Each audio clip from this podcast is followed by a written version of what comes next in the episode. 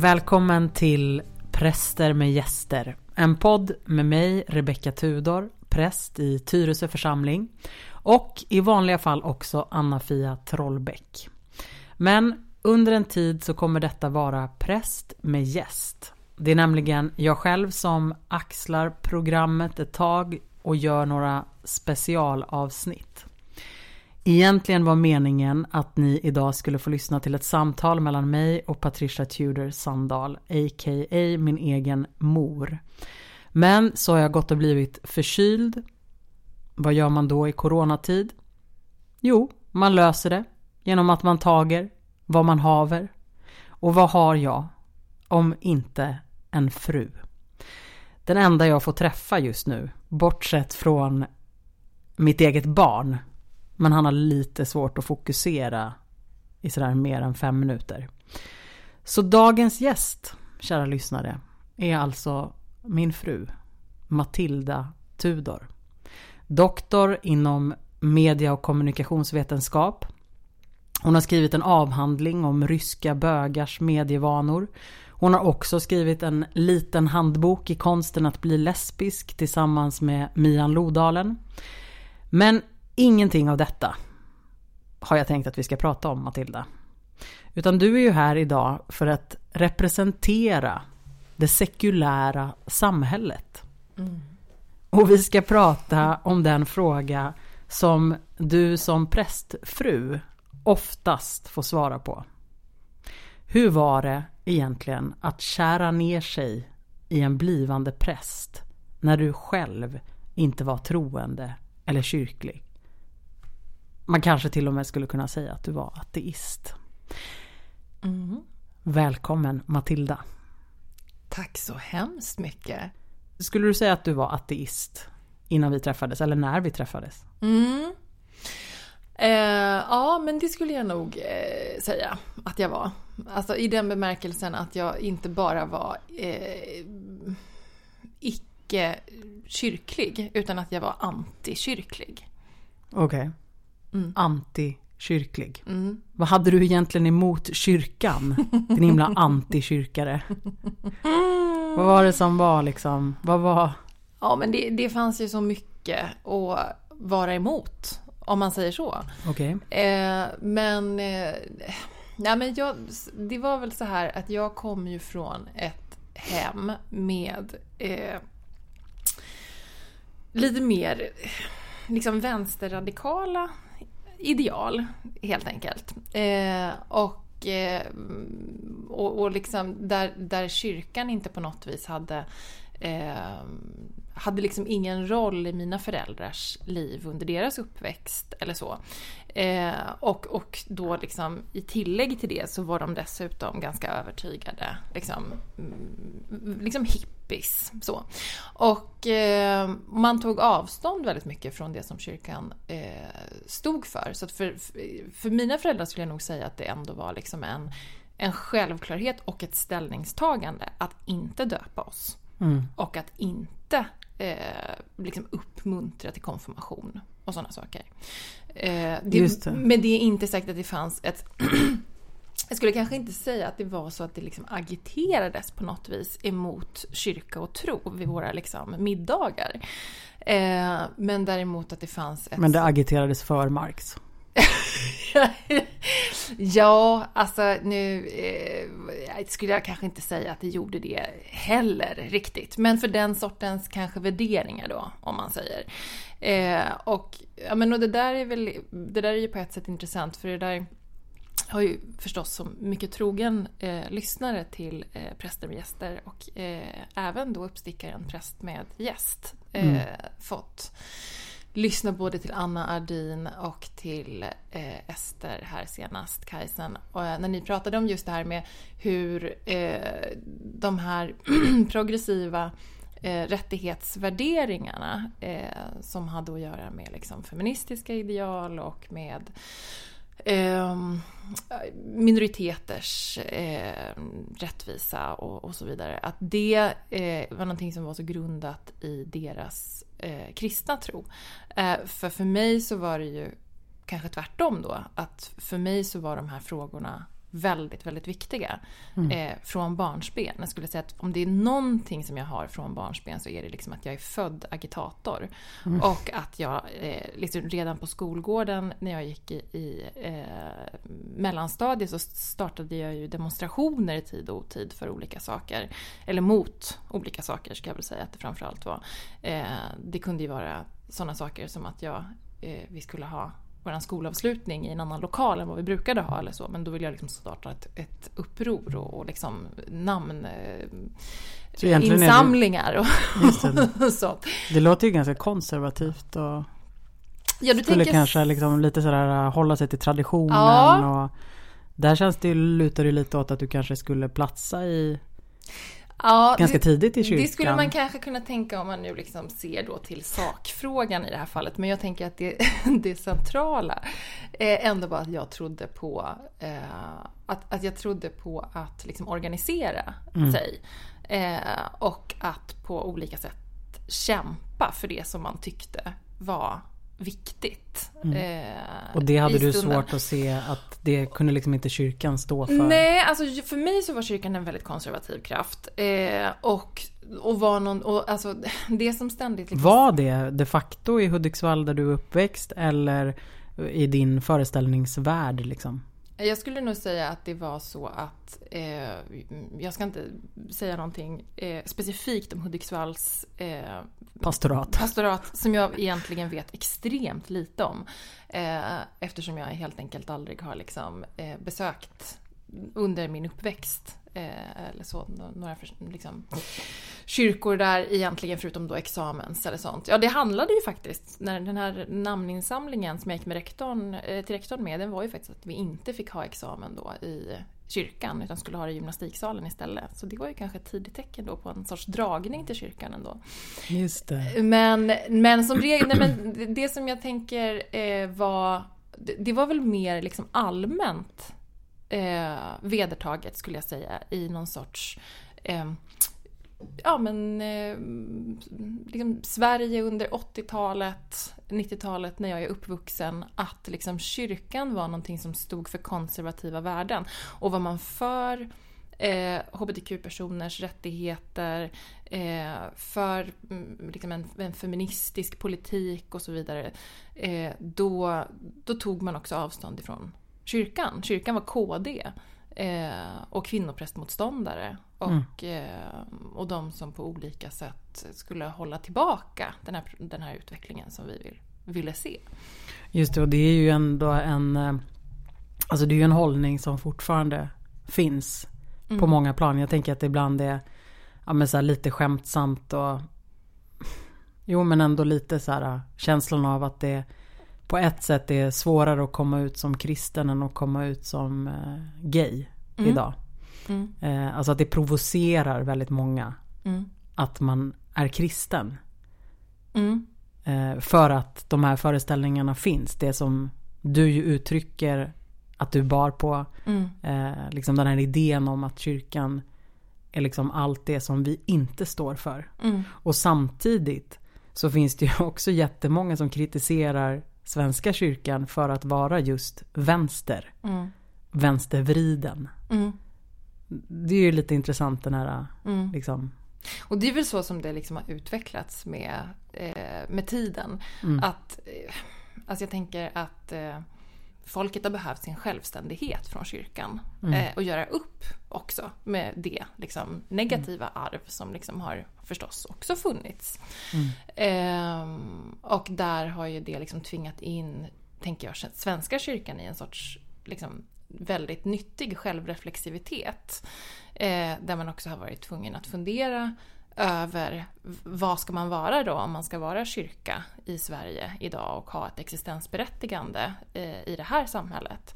Ehm, och där finns det ju uppenbarligen då många, som du säger, liksom, som tycker att, att kanske kyrkan eh, gör liksom avkall på alldeles för mycket för att vara i tiden. Mm. Och det är det som man ofta kallar liksom för det här liksom, vänsterprogressiva och flummiga och, Mm. och sådär.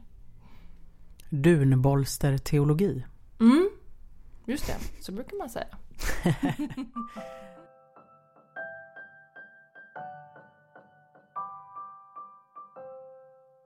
du som ser nu att kyrkan är så mycket mer än Mm. vad du trodde och föreställde dig och att det finns så mycket av dina grundläggande värderingar, det som du är uppvuxen med, liksom solidaritet, rättvisa, feministisk kamp, att det faktiskt finns i kyrkan. Att det är en del av att bygga Guds rike, att det liksom inte är så långt ifrån. Vad är det som gör, eller liksom, har kyrk, tycker du att vi, alltså vi i kyrkan eh, har svårt att förmedla oss eller liksom vad är det som gör att jag fortfarande tycker att det är svårt ibland och i vissa sammanhang att berätta att jag är präst? Mm, ja, men jag tänker att liksom... Historien är ju alltid... Man är liksom alltid lite ett steg före. Alltså den här utvecklingen som Svenska kyrkan har gått igenom eh, som, och kanske då framför allt, eller jag vet inte om det är giltigt att säga, men jag tänker att, att vi bor ju i Stockholm stift liksom, och här känns det ju som att det är så extremt progressivt på så många sätt. Ja, men det är det på många ställen i Sverige. Ja men det är det, Det men det finns också en och annan plats som det inte är det på. Ja, absolut. Eh, Jo, jo, jo, alltså den här... eh, Also known as eh, församlingen där vi var eh, på någon domedagsmässa. Där, där hela byn skulle sköljas bort eh, Ja, med syndafloden. ja. Utom de som bodde på en viss gata för de skulle liksom bli upplockade i nätet. Ja, det, det var ju en... Ja, men alltså absolut. Och De, den, de finns också. de finns också. Ja. Helt klart, jag är med på detta och... eh, Ja, men, men det som jag försöker säga egentligen är ju bara att man har ett jättetungt arv. Mm. Eh, man, har, man har tillhört, alltså kyrkan har varit makten. Mm. Eh, och man har eh, på alla upptänkliga sätt eh, missbrukat eh, den makten. Eh, och att det, förutom att man ju förstås också har liksom stått för, för en massa positiva värden i människors liv så har man också liksom missbrukat den makten på, på olika sätt. Och där tänker jag att, att liksom vi i Sverige fortfarande befinner oss ganska mycket i en sorts frigörelsefas men där det kanske börjar liksom att också ha kommit så pass långt att man, eh, att man kan ha ett lite mer nyanserat samtal än vad man kunde när jag växte upp. Mm. Att, att inte behöver vara rädda för religiösa människor. Men eh, hur var det då? När du blev kär i mig? Ja. Nej men det, det var ju jättekonstigt. Berätta mer. Nej men det var ju jättekonstigt. Nej men det var ju, men så här var det ju. Eh, jag hörde ju talas om dig innan vi liksom lärde känna varandra. Eh, när jag flyttade till Stockholm. Och eh, det sades om, om Rebecca Tudor att eh, du var en, den, här, den här snygga flatan eh, vars mamma eh, var en, en eh, känd författare och eh, som själv då talade med sitt kön. Men, men Alltså det- talade med sitt kön. Det låter liksom otroligt liksom som att jag var så här promiskuös. Och, Ja, så var det inte. Och det var inte heller så att du hade någon sorts, liksom, eh, att du hade någon, någon förkunnelse eller någonting sånt som kommunicerades via ditt kön. Utan det var helt enkelt att du talade med en sån djup, djup röst. Och det här gjorde flatorna galna. Och, eh, och så fick jag höra talas om, om dig och var väldigt nyfiken på dig förstås. Då fanns det en liten, liten nackdel med den här äh, fantastiska, djupa flatan. Och det var att hon också var... Ja, att du också var eh, kristen. Men det här, som så många eh, andra, förstod jag ju då också när jag lyssnade på ditt och Esters eh, samtal. Det här kunde jag ju liksom rationalisera bort och tänkte ju att, att liksom, du var ju inte en riktig kristen. Mm. Eh, för du var ju flata. Och eh, cool. Och hade så hyfsat bra värderingar. Bra värderingar, coola kläder. Ja, nej men du kunde ju inte vara kristen på riktigt. Så, att, så därför så tänkte jag ju liksom väldigt länge egentligen att du, du eh, inte var kristen på riktigt. Och jag kommer ihåg väldigt väl första gången som jag förstod att du var kristen på riktigt.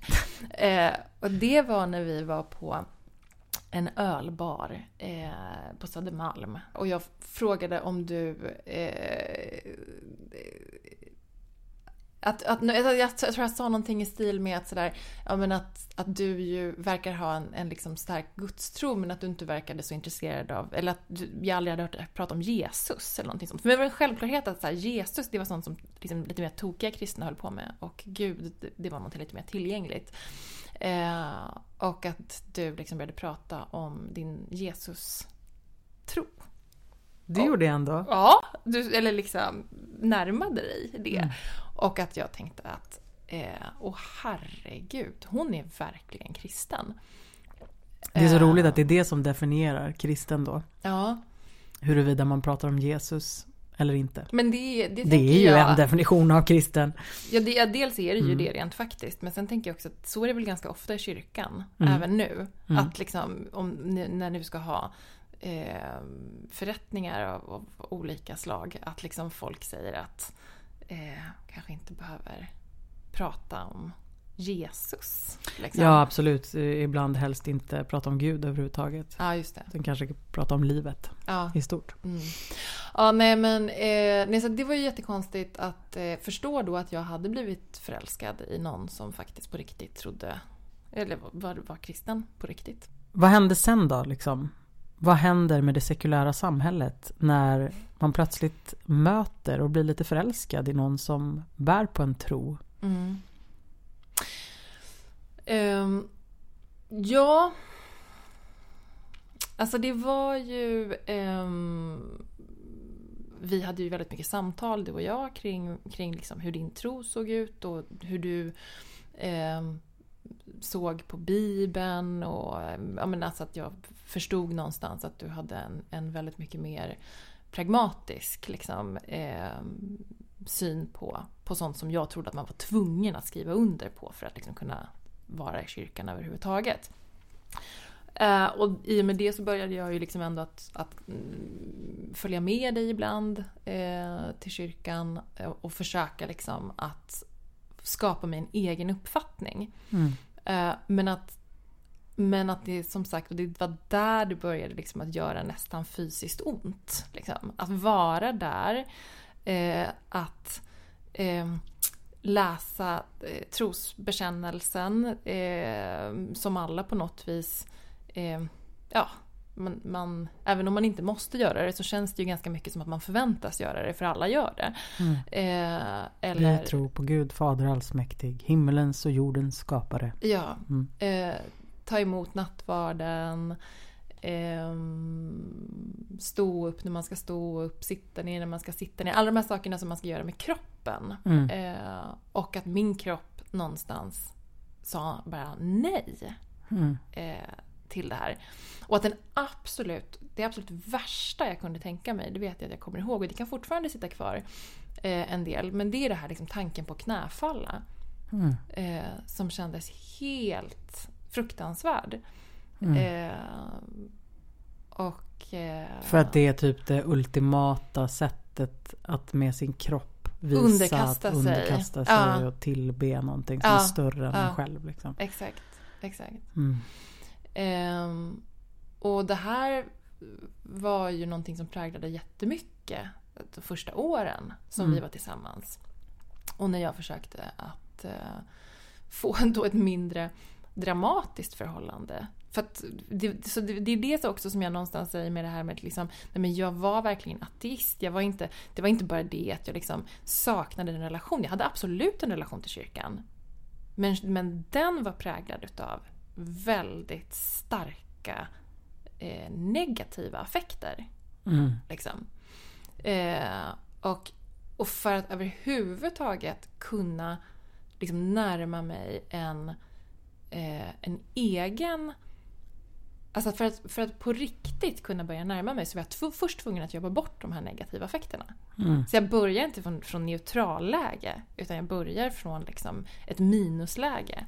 Mm. Där man är tvungen att liksom först på något vis eh, göra, vara i det här görandet under en ganska lång tid. Tills det är så pass avdramatiserat på något sätt. Att man kan börja prata om ett faktiskt närmande. Men Typ eh, tio år sedan så valde ju du att eh, bli döpt Mm. som vuxen. du kom till mig och sa att du ville, du ville bli döpt. Och gud, nu låter det som att jag sådär kom till... Men med, med fader, Fader Tudor. fader Rebecka. Jag vill bli döpt. Nej men jag Ja. bara tänker utifrån just det här som du berättar nu. Om Mm. det här motståndet. Mm. Men, men du kom ändå ju till... Du, du, du kom dit att du ville bli döpt. Mm.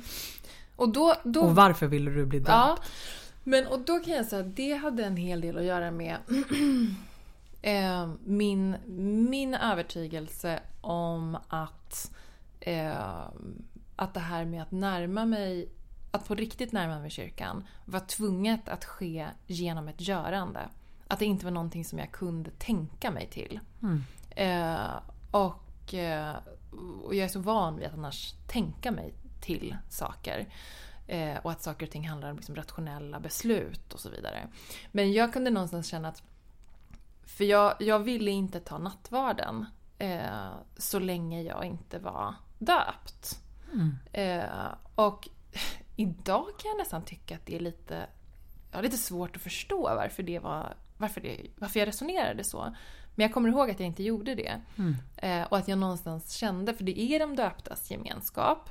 Eh, och det var inte det att jag kände så här, åh vilken vördnad jag känner för de döptas gemenskap. Jag ska inte ta den om jag inte liksom, är inbjuden. Utan det var mer så här att jag kände att så här, pff, Ja, ja, nej men okej, det är er gemenskap, då ska inte jag komma och crash the party. Utan liksom ha den gemenskapen i. Och att jag kände ett utanförskap. Mm. Så att varje gång som det var nattvard så kände jag ett, ett aktivt utanförskap.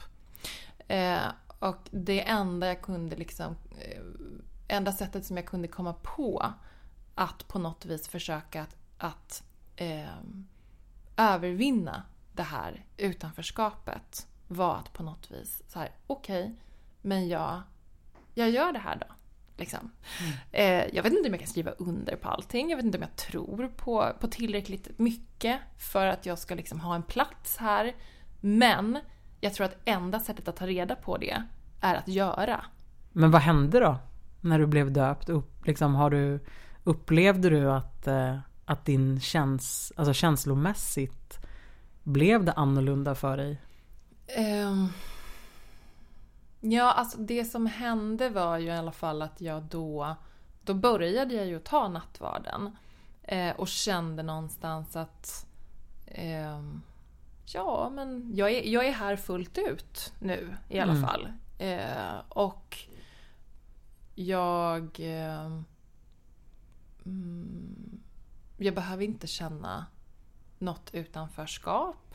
Att jag, alltså, och det här känns ju viktigt att liksom understryka om det nu skulle vara någon eh, som lyssnar som, som liksom, eh, uppfattar det annorlunda. Men att det ju förstås inte är så att man ska känna något utanförskap om man inte är, döpt. Utan det, var liksom, det handlade nog mycket om mig. Att jag har lätt för att känna utanförskap. Jag har lätt för att känna att jag nog egentligen inte hör till. Liksom. Eh, och det, det underlättade i den. Eh, att att liksom då på, på något vis få något sorts kvitto på att så här, men jag, jag hör till. Mm. jag får höra till. Och eh, då kan jag prova det här. Jag tänk, jag menar, det är det som jag tänker också, att det handlar inte nödvändigtvis, eller det handlar inte på något sätt egentligen om var man, vart man får höra hemma. Utan snarare liksom om vart man kan ha tillgång till att känna sig hemma. Mm.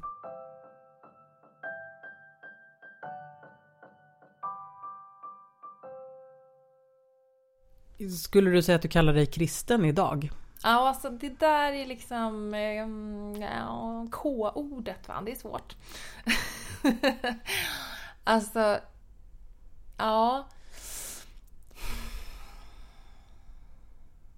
Med en... ehm, Ja, det är intressant att det blir så svårt ändå när du frågar. Alltså jag tycker inte att det känns självklart eh, att säga att jag är kristen. Det känns självklart att säga att jag är döpt. Mm, Och, ja, precis. Och får jag bara då, måste ändå bara backa lite det här då. För att jag, jag fattar liksom på ett Ja. sätt. Och samtidigt så tänker jag att, att det är liksom samma Matilda som, som säger så. Mm. Som också egentligen inte tycker att jag är kristen på riktigt. Mm. Mm. Jo men alltså visst. Alltså att man fortfarande har den här jäkla bilden av att vara kristen. Det är liksom... Ja. Mm. Ja men du vet så att Trump. Han är mer kristen än vad jag är. Mm. Visst. Jo men vilket han ju förstås inte eh, Det är klart han inte är.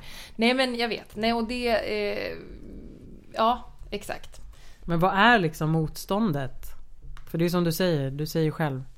Jag är döpt. Du går ju ändå i kyrkan oftare än vad många människor gör. Mm. Du läser kanske inte Bibeln på egen hand men du läser Bibeln relativt ofta utifrån att du hjälper mig med predikningar. Mm. Du är med och ja men så här, har ett aktivt kristet liv ju på många sätt. Mm. Och sen inte minst i allt vad vi har pratat om vad, vad kristna värderingar de facto handlar om. Liksom. Att Mm. gå i Jesu fotspår, vad är det? Allt det som du pratar om från din barnuppfostran och uppväxt också Mm. är ju min hållning. Liksom. Och vad kristen tro handlar om. Varför är det så svårt att säga att man är kristen? Mm. Ja, varför är det så svårt då? Alltså... För du tror- skulle säga ja om jag sa, känn, är du andlig? Ja, det skulle jag göra. Du är existentiell, du Ja. sökare. Ja, absolut. Alla de sakerna. Och, eh, och där så eh, skulle jag tänka att, ja men och, och det finns en, en hel del andra epitet som jag skulle säga ja till. Jag är feminist, det vet jag att jag är. Jag behöver liksom inte fundera. Eh, men det är kanske någonting med för mig så är liksom det som kyrkan har erbjudit mig och som, och som liksom att, att närma sig kyrkan och eh, kristligheten eh, för mig, det har liksom inneburit ett sorts liksom tolknings... Eh, det är ett sorts raster som jag liksom kan förhålla mig till och som skapar mening för mig. Eh, för att jag kan eh, stöta och blöta det. Och för att det hela tiden... Mm, det är jättemeningsfullt för mig till exempel att hålla på och hjälpa dig med predikningar och få sitta och stångas med liksom, evangelietexter. Eh, utan att jag för den sakens skull Du är ju min spökskrivare ibland. Ibland är jag ju det. Mm. Ja. men, men det liksom är... Och jag förstår att det är precis det där stångandet som är tro. Mm. Men i det så har jag svårt att sätta en, ett epitet eh, som är så... Alltså jag är så här, jag är religiös. Mm. Alltså, så skulle jag säga. Jag är absolut religiös. Eh, och eh, jag tror att religionen ehm, är eh, viktig Mm. eh, för liksom, människovarandet. Eh, och det är definitivt viktigt för mig. Eh, men jag känner inte tillräckligt starkt för någon liksom, skola eller etablerad Mm. religiös åskådning för att jag ska vilja sätta den liksom, tydliga stämpeln på mig. För det känns som en tydlig stämpel. Liksom. Ja, det, eller ett stämpel men alltså Nej men en jag bara sån- tänker så här, det är, jag, jag tycker att det är jätteintressant. För Mm. att jag tänker att det inte nödvändigtvis handlar så mycket om att du inte kan välja. För jag tänker att du inte faktiskt vet så jättemycket om andra religioner. Så att du vet inte vad du väljer bort liksom, Nej. om, du, om du säger ja till det här. Eh, till det här lilla paketet. Som vi kallar kristendom. Mm. Eh, och samtidigt eh, utifrån ett kristet perspektiv så har du sagt ja genom att du blev döpt. Ja, exakt. Eh, och eh, eh, och jag, kan, jag kan liksom tänka att Alltså för mig är det ju så här, vad ska man säga? It's Alltså du lär, jag är ju väldigt glad att, att jag har träffat dig av, av många anledningar förstås. Men du har ju öppnat upp Alltså du har ju öppnat upp mitt sätt att se på tro och eh, hjälper mig att liksom eh, fortsätta brottas och Mm. eh, ifrågasätta och vilket jag är ju djupt tacksam över. Så jag tänker att det, ja, men det är lite fint om man nu får sitta och säga det som ett gift par men att, eh, att, att jag har kunnat öppna vissa kanaler Mm. till liksom det vi kallar Gud. Mm. Eh, men du har gjort detsamma med mig. Alltså, du från ditt ateistiska håll har liksom hjälpt mig att öppna Mm. ja, rymden har blivit större liksom. Gud har blivit större. Eh, och ja, det är väl good enough att kalla sig religiös. Eh, Mm. Jag tror bara på en gud. Eh, och ja, jag liksom. Ja men och någonstans är man ju, vad är det då att vara eh, kristen? Det är ju det som den här frågan egentligen handlar om förstås då, Mm. som vi började i och som egentligen är liksom pudens kärna i, Mm. i allt det här förstås. Så att jag menar på en nivå så handlar ju att vara kristen om att liksom vara född i en kristen tradition och att ha liksom eh, mm, att ha en, en eh, eh, kulturell anknytning till alla de traditioner som liksom Ja, vi lever med under kyrkoåret med liksom påsk och eh, jul och liksom hela, hela den Ja, biten som jag har jättestarka känslor för och jättemycket. Liksom. Ja, och där faktiskt jul och påsk eh, i- just i vår lilla familj faktiskt står för det som den Ja. kristna julen och påsken Ja, står för exakt. också. Ja, nej men och det, nej men precis. Och kan inte, ibland kan man ju känna att så här, kan det inte bara få vara så enkelt då? mm, mm,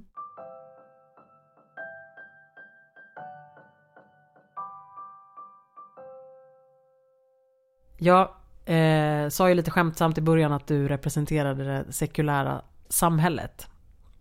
Eh, ja, och det var ju egentligen innan vi träffades. Mm. Men eh, trots allt så representerar du ju ändå vetenskapssamhället som forskare. mm. Eh, vilket ju vi ändå får säga är den liksom, sekulära samhällets religion. Mm. Hur får du ihop världarna? Det är väldigt lätt att sätta liksom, eh, vetenskap och andlighet i liksom, motsatsförhållanden till varandra. Eh, och där Det känns som det ständiga. Tro och vetande. Ja, exakt. Ehm, och där så tror jag också faktiskt att lite grann den här... Jag tycker jag mig se liksom att den här rörelsen kanske sker lite grann. Där man blir lite mer ödmjuk eh, inför det totala avvisandet utav ehm, allt vad liksom eh, tro har stått för eh, inom liksom eh, vetenskapen tidigare. Att det liksom Mm. kanske sker en... Ja men jag tycker vi i alla fall liksom kunna urskilja att det är fler som är intresserade utav frågor som har att göra med liksom, eh, andra dimensioner utav existens eh, idag.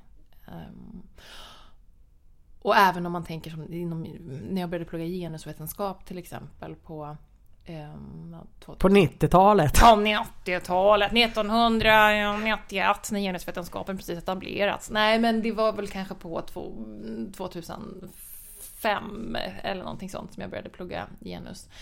Ja men och även då så skulle jag säga att, att, att det är ganska stor skillnad på då och nu när det kommer till liksom, Eh, vilken, vilken liksom, plats frågor om eh, mer liksom, eh, existentiella perspektiv och frågor som har att göra med exempelvis eh, ja, men religion, tro och, och liksom, trosutövande kan liksom ha. Eh, så att jag tror att det sker vissa förändringar där och jag själv har ju då liksom hittat eh, till en miljö vid Uppsala universitet som faktiskt håller på med då existentiella mediestudier.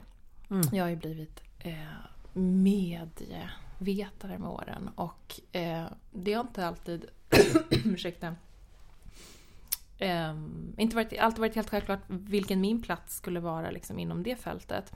Men nu så tycker jag, nu har jag hittat liksom, till en miljö som intresserar sig för just liksom, existentiella frågor kopplade till eh, våra eh, vardagliga medieliv.